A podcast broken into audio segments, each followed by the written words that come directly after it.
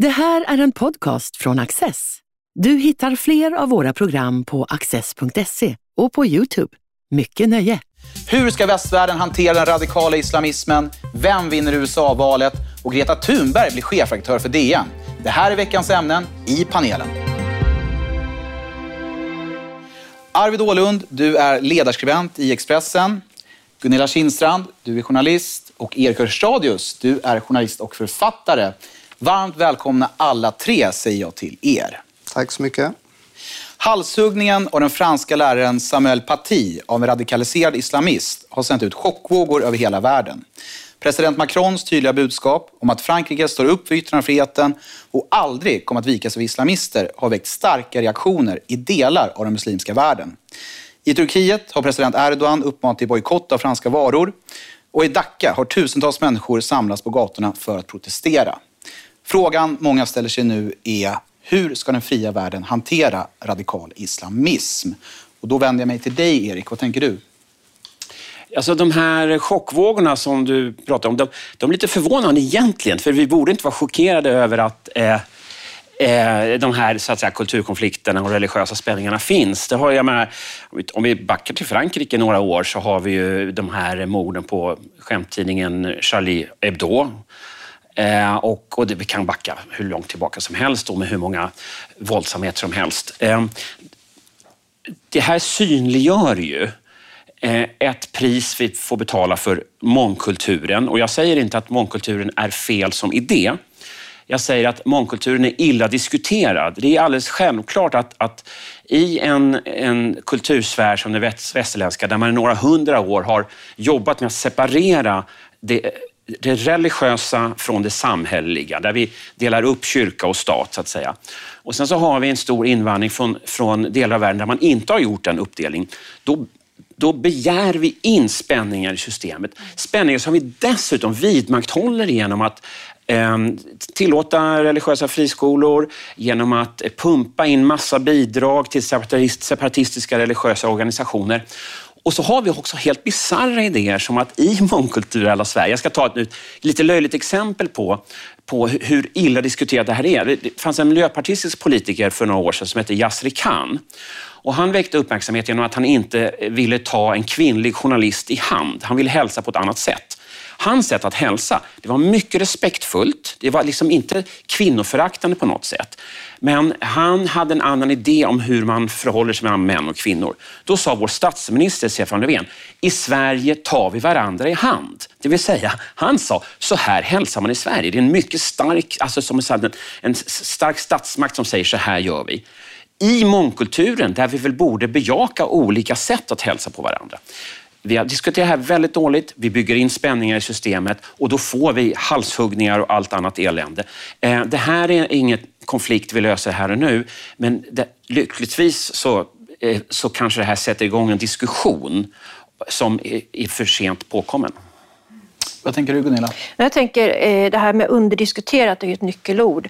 Efter den här brutala halshuggningen så har vi haft några så formativa moment i debatten. Och inte minst då när skolministern skulle svara i, i P1 om hur vi, alltså vilken stöttning man kunde ge lärare i Sverige som ville undervisa om yttrandefrihet och som har till uppgift att undervisa i yttrandefrihet. Och hon vek ner sig och fick gå ut och pudla och göra ytterligare en intervju i P1 och den var också väldigt svag. Och hon säger lärare som är osäkra ska gå till sin skolledning. Och på så vis, alltså hon säger inte i Sverige gör vi så här, utan hon säger det här är en svår fråga och det är upp till varje lärare att avgöra i vilken situation man säger vad. Och då står ju den här läraren där som är egentligen alldeles ensam. Och i lärarkåren sprider det sig en oerhörd oro just nu som vi inte heller diskuterar. Men vi har på något vis ändå sett hur tom verktygslådan är, eh, tycker jag, i, i, i debatten och diskussionen. Är det så mörkt, Arvid? Eh, det blir ett väldigt, väldigt stort frågekomplex här. Det är klart att eh, det finns otroligt mycket att diskutera och som Erik säger så går det tillbaka under lång tid. Så här, om man tittar på det som hände i Frankrike så är det ändå intressant att se Eh, inte minst med tanke på vad du då säger att det här är knappast första gången, att det ändå kändes på något sätt liksom kvalitativt annorlunda reaktionerna den här gången. Det är möjligt att man är så avtrubbad att man helt enkelt glömmer att det var samma sak efter Bataclan, efter Charlie Hebdo. Eh, och, eh, och långt många fler. Men jag tror just att det här, alltså just att det är en lärare, eh, just att det liksom ska vara väldigt försiktig med hur man väljer orden här för att uh, jag stödjer till 100 10 procent det Charlie Hebdo gjorde. Men det finns någonting här i, liksom i att man, man, visar i syfte att diskutera yttrandefrihet och inte ens det tolereras. Eh, och det är möjligt att det är det som är skillnaden här. Eh, vad gäller Frankrikes svar så står jag bakom det till 100 procent. Sen kan man diskutera som Jürgen Wittfeldt gjorde i sin text. Eh, det vill säga, man bör kanske skilja på vad som är principiellt rätt och vad som är liksom det praktiska utfallet. Bara för att man tycker att svaret är rätt betyder inte det att Eh, Eh, som han skrev, att priset som man får betala mycket väl kan komma att bli högt. För det kan det. Och det finns eh, eh, liksom saker som tyder på att den franska modellen eh, har gjort att Frankrike har drabbats extra hårt. Och så här. Det är inte samma sak som att säga att de har gjort fel, men man ska nog skilja på eh, liksom, principiella argument och praktiska. Men jag tycker den franska reaktionen är helt rätt och det har vi skrivit också. Men alltså det här just att skilja på, på principiella argument och praktiska. Det är ju det som är så svårt. Vi kan sitta här och prata om detta. Om jag nu står för yttrandefrihet och tänker på en essä som Kerstin Ekman skrev, eh, Rätten att häda, tror jag den heter, för, för, kanske 30 år sedan. Och jag kan sitta här och, och, och principiellt, så att, eller jag kan, säga, jag kan sitta här och praktiskt bränna en koran och visa det här borde vi få göra i Sverige. På samma sätt som Elisabeth Olsson, fotografen som, som eh, i den här föreställningen Ecce Homo för utställningen för 20 år sedan kanske, där hon visade eh, Jesus i situationer som var väldigt provocerande för kristna. Men jag bränner inte den Koranen. Dels för att jag inte vågar. Jag kan dra på mig religiöst hat, våld. Dels för jag vill inte, så att säga, kränka människors religiösa känsla. Och den här gränsdragningen principen att det är rätt att häda och vi ska kunna ha provocerande utställningar om Jesus, vi ska kunna bränna Koran och Bibeln. Den principiella hållningen, den vi, har vi väldigt svårt att, så att säga, stå för i praktiken. Dels av pietet och hänsyn. Vi vill inte kränka våra medmänniskor och det är en helt rimlig hållning. Men också av feghet. Det franska staten gör nu lite häftigt.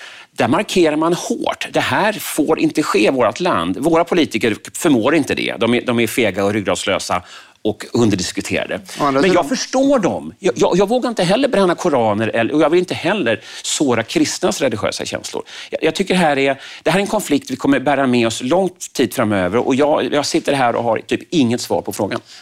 Arvid, du vill Nej, komma jag tänkte bara säga att å ena sidan och å andra sidan så äh, hävdade du, eller du sa ju tidigare att Stefan Löfven faktiskt var ganska tydlig att som i Sverige skakar vi hand och så här. Det ska man kanske inte jämföra med en liksom, uppvisning i... Nej, men det tycker jag är en tramsgrej att säga. Man får hälsa hur man vill. Jag tycker det är tramsgrej när Stefan Löfven säger det. Däremot så ska man... Jag håller inte med om det. Jag tycker nog att det kanske... Men om vi har mångkultur måste väl folk få ha, visa i sin kulturella religiösa praktik hur man hälsa på varandra. Men det här visar också hur trassligt det är. Ja, det vill säga, man kan precis. ju vara emot mångkultur men för att man ska eh, hälsa på olika sätt. Man kan vara eh, liber, liksom fisliberal och samtidigt tycka att i Sverige tar vi hand. Jag menar med att det är så här, ja det gör vi ju. Det är ju ett faktum. Det är larvigt att hävda att vi inte gör det. Möjligen kramas vi innan corona i alla fall. Men det blir också någonting i det här. Det här är en, en stor politisk konflikt. Det enormt starka geopolitiska krafter involverade. Den här läraren som, som mördades, han flashade ju inte med några Mohammed-karikatyrer. Han, han gjorde verkligen sådana trigger warnings innan och sa att nu ska jag visa det här. Vill ni gå ut så kan ni göra det. Han paketerade den här lektionen efter konstens alla regler och ändå gick det som det gick. Det är ju, någon, tyvärr, det är ju någonting i det som ju liksom intuitivt känns perverst. Alltså det vill säga att man på något sätt ska förklara att nu ska jag förklara. Liksom, man ska kvalificera olika led. Så eh, men som sagt, vi, vi kommer ju fram till att vi inte vet. Sen, så här, man, det är möjligt att man på, i viss mån ska skilja på Frankrike och Sverige också. Alltså, Frankrike har ju liksom den starkaste laicité-modellen. De är nästan unika på så sätt att de har sin samhällsmodell. De är också en, en eh, tycka vad man vill om det, men de är en före detta kolonialmakt. Och när du säger laicitet, att man stenhårt skiljer på, på ja. det andliga och det Ja, i teorin så, så finns det, liksom, det finns inget land som starkare eh, framhåller att det inte finns inte gruppidentiteter. Möjligen eh, liksom, undantaget eh, judar. Eh, men alltså att den modellen är väldigt stark i Frankrike i teorin och samtidigt så har de en integration som har fungerat så dåligt att den nästan får Sverige att liksom framstå som att den har fungerat väl. Eh, Frankrikes problem är rätt franska skulle jag vilja hävda. Men det är klart, vi har dem också. Men där, där är de. Har man bott i Paris, så här, alltså, det, utanför Paris finns det no-go-zoner på riktigt. Det är ingen som liksom kan säga något annat. Skulle jag. Sista ordet. Ja, vi dras också det här gamla problemet, alltså det eviga problemet att den som påtalar spänningar inom mångkulturen lätt brunsmet, alltså du kallas för rasism och så vidare. Eller man kallas för rasist.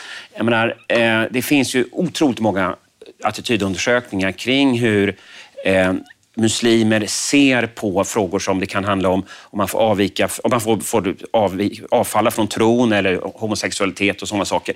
Och de rimmar illa med västerländskt modernt samhälle. Men om man har påtalat detta, då har man blivit kallad rasist och så vidare. Och det har gjort att vi har inte diskuterat på ett moget sätt de här spänningarna som uppstår inom mångkulturen. Jag tycker bara, får jag säga, förlåt. Men slutordet, sen slutordet. måste vi rusa vidare. En väldigt viktig sak påpekar det eh, nya ambassadören Etienne de Gonville sa. Det att vi lyssnar på franska muslimer, vi lyssnar inte inte på Erdogan som liksom låtsas föra ett annat sätt. Jag vet att det finns, många av de här problemen är, är breda, de är utbredda, så här, men det finns ju också en, en stor massa som, som mm. verkligen inte... Håller 100 procent med. De flesta muslimer som lever i väst är ju inte konservativa. Jag håller 100 procent med. Och det får avsluta veckans första ämne. På tisdag nästa vecka avgörs det amerikanska presidentvalet mellan Republikanernas Donald Trump och Demokraternas Joe Biden. Även om Biden har haft en stabil ledning i mätningarna verkar Trump nu komma ikapp i flera viktiga delstater. Hur kommer det hela att sluta och vad är det som står på spel? Jag vänder mig till vår kloka USA-expert Arvid Ålund för att kanske få några svar. Eh, ja, på, eh, på vem som vinner. Eh, jag har sagt Biden från allra första början. Uh, och, och, eh, mitt argument har hela tiden varit att han är en väldigt stark, alla hävdar att han är en svag kandidat, att han är en väldigt stark kandidat just för att han är en ganska svag kandidat. Uh, amerikanska presidentkandidater tenderar att ha väldigt höga negativa siffror. Trump har extremt höga, Hillary Clinton hade extremt höga, Biden ser ungefär på noll. Det vill säga, han väcker inte särskilt starka känslor.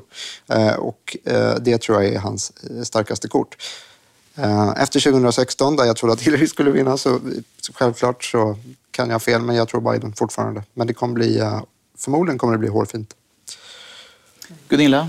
Eh, ja, ja, det kanske är att svära i journalistkyrkan och journalistsoffan här, men jag känner mig både överinformerad och underinformerad vad det gäller USA-valet. Det stört störtar in information, men det är nästan allt är tredjehandskällor eller andrahandskällor och det är en, en extrem...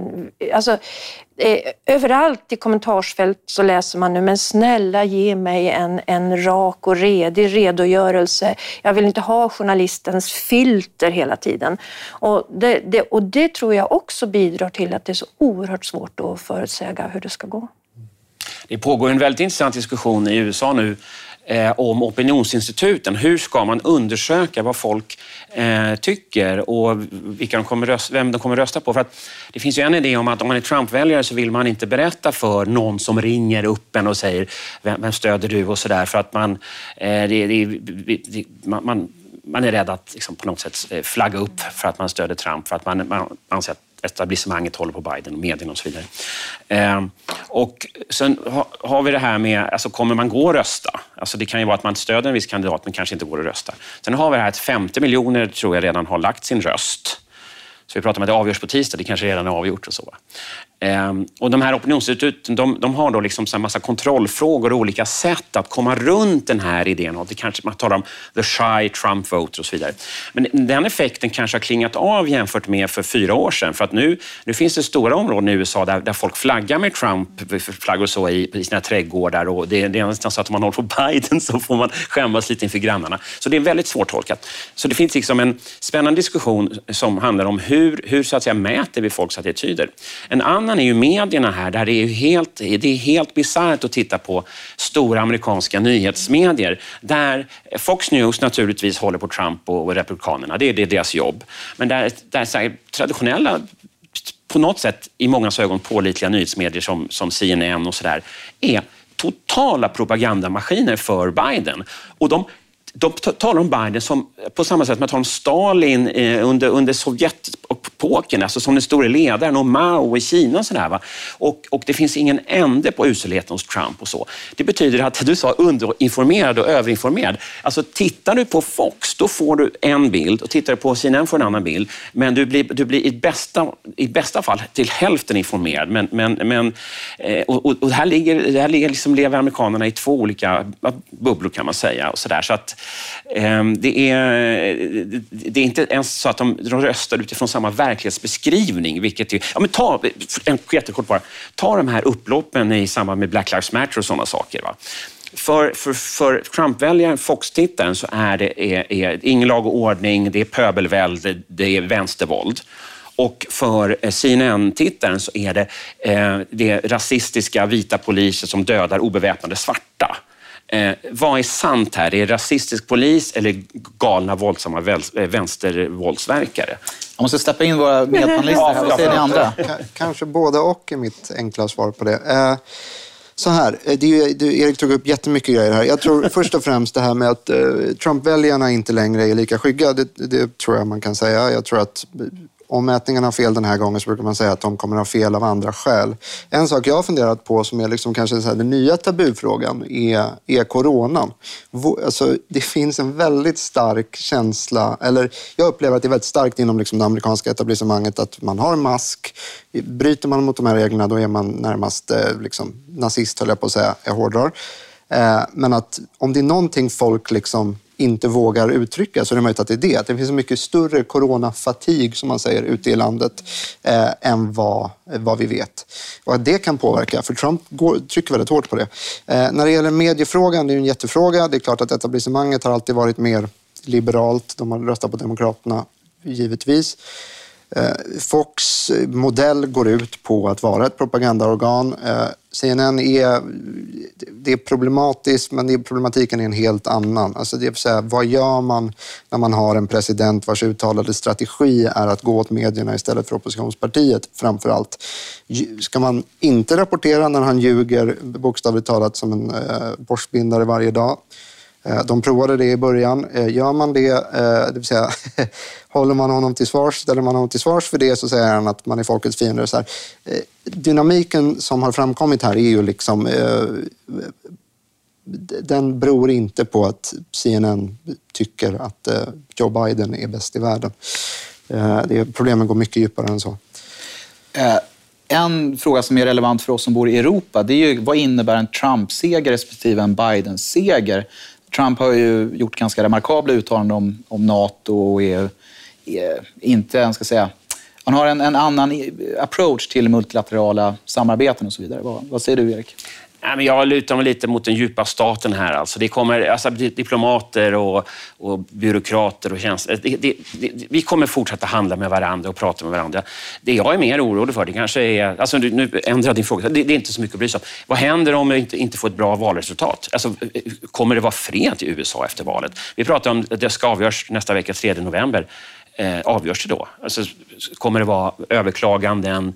Eh, snack om röstfusk och sådana saker. Eh, men ja, relationen Europa och USA, det är överdrivna idéer här om att Trump och Europa skulle stå mot varandra, anser jag. Problemet med det där, får jag bara säga det, att det är alltid samma sak, att när man på något sätt eh, relativiserar det Trump gör, så liksom, man oscillerar alltid mellan eh, han är egentligen ganska bra, han har egentligen gjort ganska bra saker, samtidigt som man säger eh, nej men han är inte ett problem för att institutionerna håller honom tillbaka. Eh, han, han, är en tokstolle, men det gör ingenting för att vi har så starka institutioner i alla fall. Eh, jag får aldrig riktigt liksom, eh, jag tycker att det där är svårt att reda ut. Jag tycker att de argumenten är motstridiga. Trump är en rivningskula och det är extremt viktigt att Joe Biden vinner. Han kommer förmodligen inte att vinna nästa tisdag, det vill säga vi kommer inte veta på tisdag. Men ur ett svenskt perspektiv så är det glasklart att eh, det bästa vore om Biden vinner. Det, jag, jag kan inte räkna upp alla sätt här, men det är min övertygelse. Det får avsluta veckans andra ämne, för det är dags att rusa vidare till veckans sista ämne. Dagens Nyheters beslut om att utse Greta Thunberg till chefredaktör för tidningen i en dag har utlöst ett publicistiskt storbråk. Svenska Dagbladets ansvarig utgivare Anna Kareborg menar att Dagens Nyheters agerande skadar förtroendet för journalistiken. Men det är något som tillbakavisas av branschkollegan Peter Wolodarski. Vittnar bråket mellan de båda tidningarna om att en omförhandling av journalistikens roll är under uppsegling. Gunilla, vad tror du? Ja, den har nog seglat ett bra tag. Eh, man kan ju läsa det här på det sättet som Kareborg gör och man kan förfäras över det och liksom tycka att nu har vi väl nått vägs ände och så. Men man kan också läsa det som en eh, logisk konsekvens av eh, medievärldens utveckling. Men det fanns en tid när papperstidningen regerade före internet om ni minns det. Så då var eh, var det 70 procent inflöde från annonserna och 30 från abonnemangen ungefär. Nu kommer det vara i bästa fall tvärtom om jag förstår det för, för Dagens Nyheter. Men det här är ju ett sätt för Peter Wolodarski, som jag ser det, att knyta till sig, en, alltså skapa en annan relation till de som köper och abonnerar på Dagens Nyheter. Alltså det, det, det handlar om eh, livsstil och det handlar om att man nischar in sig på de som åker eh, elsparkcykel, de som är med i bilpool, de som gillar Greta och så får man en, en mycket liksom närmare relation till dem så de är beredda att betala. Människor som bor i eh, andra delar av landet känner förstås inte igen sig för där är inte Greta lika kult. För att man kan inte, man, det, det talar inte till ens eget liv på det sättet som, som i den här liksom Stockholmsbubblan där pengarna finns just nu. Så jag tror att det är en, hel, en ekonomisk historia. Vad säger ni andra? Jag tycker att det är en eh, ypperlig analys. Jag tror att precis, det är precis det det handlar om. Eh, det vill säga att, man, att det är en medvetet eller ej, men förmodligen medvetet eh, och väldigt framgångsrik, som du påpekar, görs till någon sorts, ja, med Sveriges New York Times ungefär. det blir ett sorts liksom, ska man kalla det för språkrör i kulturkriget. Det är, väldigt, det är väldigt hårt. Det gör väldigt mycket bra saker. Jag tycker att Greta-grejen är ett missgrepp. Eh, jag kan ibland eh, störa mig lite på hur till exempel folk från inte minst från höger, eh, ofta framhåller att liksom, journalistiken går åt det här hållet. Sådär. Eh, att den blir liksom den blir mindre rigorös och seriös. Eh, men att man då kanske måste framhålla att vad beror det på? det beror ju såklart ytterst på pengarna. Samma sak i USA. Fox kom in på 90-talet och krossade de andra med sin modell. Eh, det är inte så konstigt då att MSNBC och till och med CNN och så tar efter eh, det formatet. Så, att, ytterst så kokar det ner till pengar och DN är en väldigt framgångsrik tidning, mer än någonsin. Liksom. Men, men att göra Greta till chefredaktör tycker jag är oklokt. Alltså jag, jag gillar det för att eh, alltså Greta Thunberg har ju varit chefredaktör för Dagens Nyheter i flera år. Och nu får folk veta det. Alltså man synliggör detta. Att det är en vänsterliberal propagandaorgan. På samma sätt som 8 miljarder pyntar vi in i skattemedel till, till public service. Eh, vi måste göra det under pistolhot så att säga. Eh, vänsterliberalt propagandaorgan. Och att eh, den här... Jag tycker det är beklagligt att journalistiken så länge abdikera från rollen att försöka granska objektivt vad som händer. Men eftersom journalistiken inte gör det, utan har den här vänsterliberala liksom, eh, idén. Den, att folk får veta om det tycker jag är mycket, mycket, mycket rimligt. Och eh, jag tycker ändå vi, vi kan i det här sammanhanget ändå påpeka att när man gör eh, mätningar på journalisters politiska preferenser och så vidare så är det stark vänsterliberal tiltning. Eh, så det här är liksom inga hjärnspöken jag håller på med och det handlar liksom vilka, inte bara sättet på vilket man bevakar frågor utan vilka frågor man bevakar. Nu vet vi detta mycket bra. Jag ska jag... noggrant överväga min digitala prenumeration på DN. Jag skulle vilja komma med ett konservativt motargument och det är att det som jag tycker väldigt mycket om med konservatism är just att man är försiktig med liksom, be, be careful what you wish for. Uh, vi pratar om, det finns ju liksom, synen på public service är väldigt principiell i Sverige. Uh, samtidigt pratar folk om USA, filterbubblor, folk som har olika verklighetsbild. Uh, det är mycket sannolikt att det är en sån marknad och modell du kommer att få till slut eh, om du inte har en public service som fungerar hyfsat. Det, vill säga, jag tycker, det finns många problem med public service, det fungerar hyfsat bra. Sveriges problem är snarare att folk inte, eller risken är att folk inte litar till institutioner, att vi inte har gemensamma läger. Eller så här. Vill man riva ner det av principiella skäl, fine, men du kommer förmodligen att få ungefär vad du har i USA. Dit verkar ingen vilja. Så att, eh, det är min, mitt svar på det. Eh, jag har en fråga till er i panelen. Då, för att Eh, man pratar mycket om att vi måste, det är väldigt viktigt, det är ju det som, som SVDs ledning trycker på, att vi ska skilja mellan news and views, alltså det som skrivs på ledarplats och det som skrivs på nyhetsplats. Eh, och det finns ju många kloka argument som vi hör för att det ska vara så. Å andra sidan finns det en risk för att om man fixerar sig för mycket vid det så tappar man fokus på vad som faktiskt skrivs. Alltså själva kvaliteten på journalistiken. Det vill säga att, om, jag är, om, om vi säger att jag är nyhetsjournalist och jag jobbar på nyhetsplats där och så kanske jag skriver en krönika eller en kommentar som till sitt innehåll är förväxlande lik en ledare. Men eftersom jag är på nyhetsplats så är det här news och inte views. Eftersom vi har den här tydliga uppdelningen på tidningen. Alltså det vill säga att man, blir, alltså man, man fixerar sig mer vid formalien än själva praktiken. Det var en lång frågeställning här och ganska ledande, men det är det jag undrar. Alltså det, det är ju eh, egentligen eh, en idé här, Newsview, som redan är upplöst så att säga. Så att jag, jag tror att du, du, försöker, du, du försöker belysa ett problem som, som inte... Det är redan liksom överspelat så att säga. Jag är en boomer. Eh, och det har att göra med agendasättning och det har att göra med, med, med journalisternas eh, liksom, eh, världssyn och så vidare. Det är bra om man är, är så att säga, tydlig med att det här är en kommentar en analys och inte ett försök till objektiv verklighetsbeskrivning. Jag tror att det, det är svårt för även de här försöken till objektiv verklighetsbeskrivning är mm. väldigt styrda från början. så att säga. Mm. Det är ett inifrån, eh, en inifrån problematik. Läsarna, publiken, de har redan förstått att allt det här är upplöst. Ja, eh, har de det? Jag vet inte. Alltså, jag tycker det intressantaste nästan är att när man skriver ledare så får man hela tiden mejl om att du ska sluta tycka, du ska rapportera. Eh, och det är därför till exempel då svenskan har liksom en faktaruta där det står vad ledartexter är, så som man tror är ungefär lika basic som att man inte ska dricka blekmedel. Eh, men, men, eh, men det verkar ju inte riktigt gå hem. Alltså det, vill säga, de här, det är möjligt att vi inom branschen tror att det finns glasklara teoretiska gränser som folk inte riktigt uppfattar. Folk, vill, folk påpekar ofta att de inte vill veta vad jag tycker om Trump, vilket är helt rimligt. Men, men det är trots allt mitt jobb. Ja, ja. Så. Kanske ska ha större ruta. Ja, precis. Mm. Men den principiellt intressanta diskussionen också, även om vi kanske ska avrunda, är ju det här då, som Peter Wolodarski lyfte, eh, där Svenskan och DN verkar ha diametralt motsatta syn. Jag menar inte att bägge är legitima, men där då eh, Wolodarski som skriver på DNs ledarsida hävdar att Svenskans ledarsida eh, är tidningens röst och på Svenskan har ju en mycket, mycket mer av en brandvägg mellan redaktion och, eh, och ledarredaktionen. DN inte har det. Så det där är en superintressant fråga. Eh, tycker jag. Det här då som Tove Livendal skrev om. Eh. Någon som vill ha en sist slutord? Eh, ja, men det blir så långt så att jag tror inte vi har programtid du, då för vi, det. Då får vi runda av. Stort tack för att ni har varit med och stort tack för att ni har tittat. Du har just lyssnat på en podcast från Access. Du vet väl att vi också är en tv-kanal och tidning? Teckna en prenumeration idag på access.se.